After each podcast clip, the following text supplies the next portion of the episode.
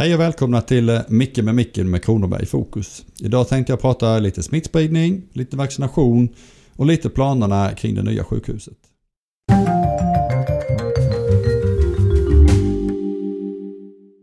Om vi börjar med läget på vårt sjukhus så är det så att vi var väldigt oroliga förra veckan. Vi fick ju en ganska rejäl ökning av antalet inneliggande och IVA-patienter kring påskhelgen och vi var väl oroliga att det skulle fortsätta.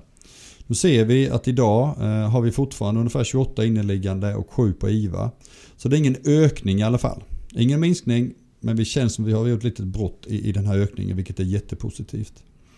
Tittar man på antalet smittade eh, så har vi ökat även förra veckan. Eh, för några veckor sedan var vi nere på ja, 250 nya smittade i veckan.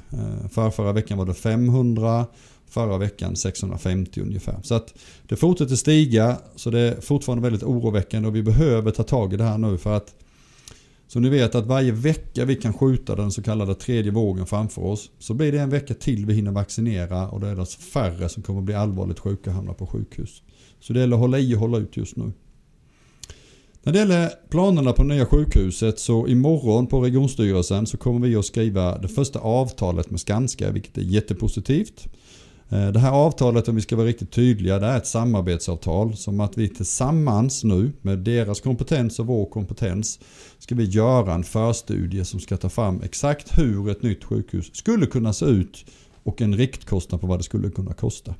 Och Det här är jätteviktigt för det tillsammans med vår utredning kring den nära vården är ju det vi ska ha med oss när vi om knappt ett år ska fatta ett beslut. Ska vi eller ska vi inte bygga ett nytt sjukhus?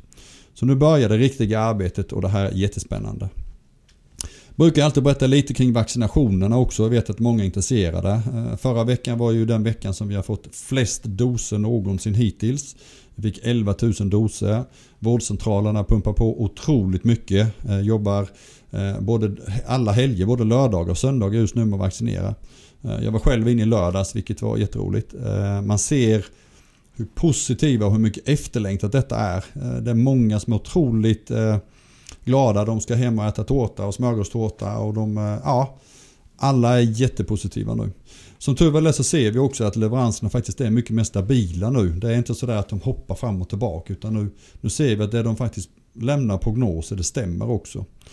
Fortsätter det, då är det jättebra för nu får vi mer och mer vaccin för varje vecka framöver. Så att eh, ni som inte har fått er tid bokad ännu, eh, har ni rätt ålder inne, ring och boka med en gång. För er andra, det kommer snart att vi lägger på fler åldersgrupper med tanke på det tempot vi faktiskt håller just nu.